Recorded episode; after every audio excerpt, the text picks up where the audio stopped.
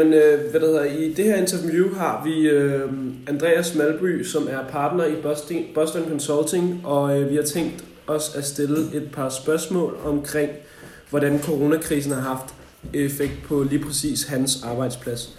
Og det første spørgsmål, vi godt kunne tænke os at stille, er, hvilken effekt har coronakrisen haft på din arbejdsplads?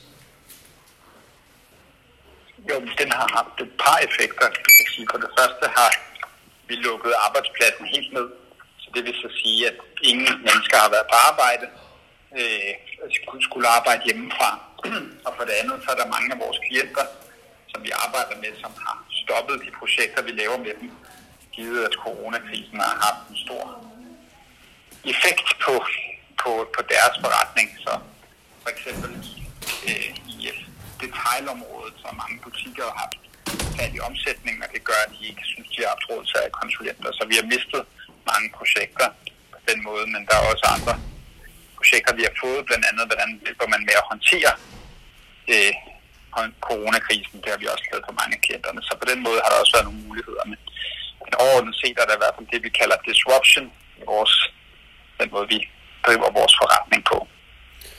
Ja, okay. Øhm, og et andet spørgsmål er, om I har måttet fyre ansatte på grund af coronakrisen? Altså, har I måttet opleve nedskæringer på, på den måde?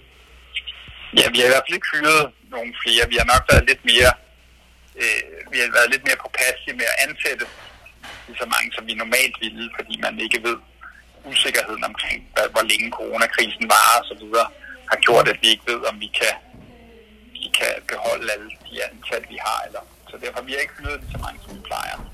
Nej, okay.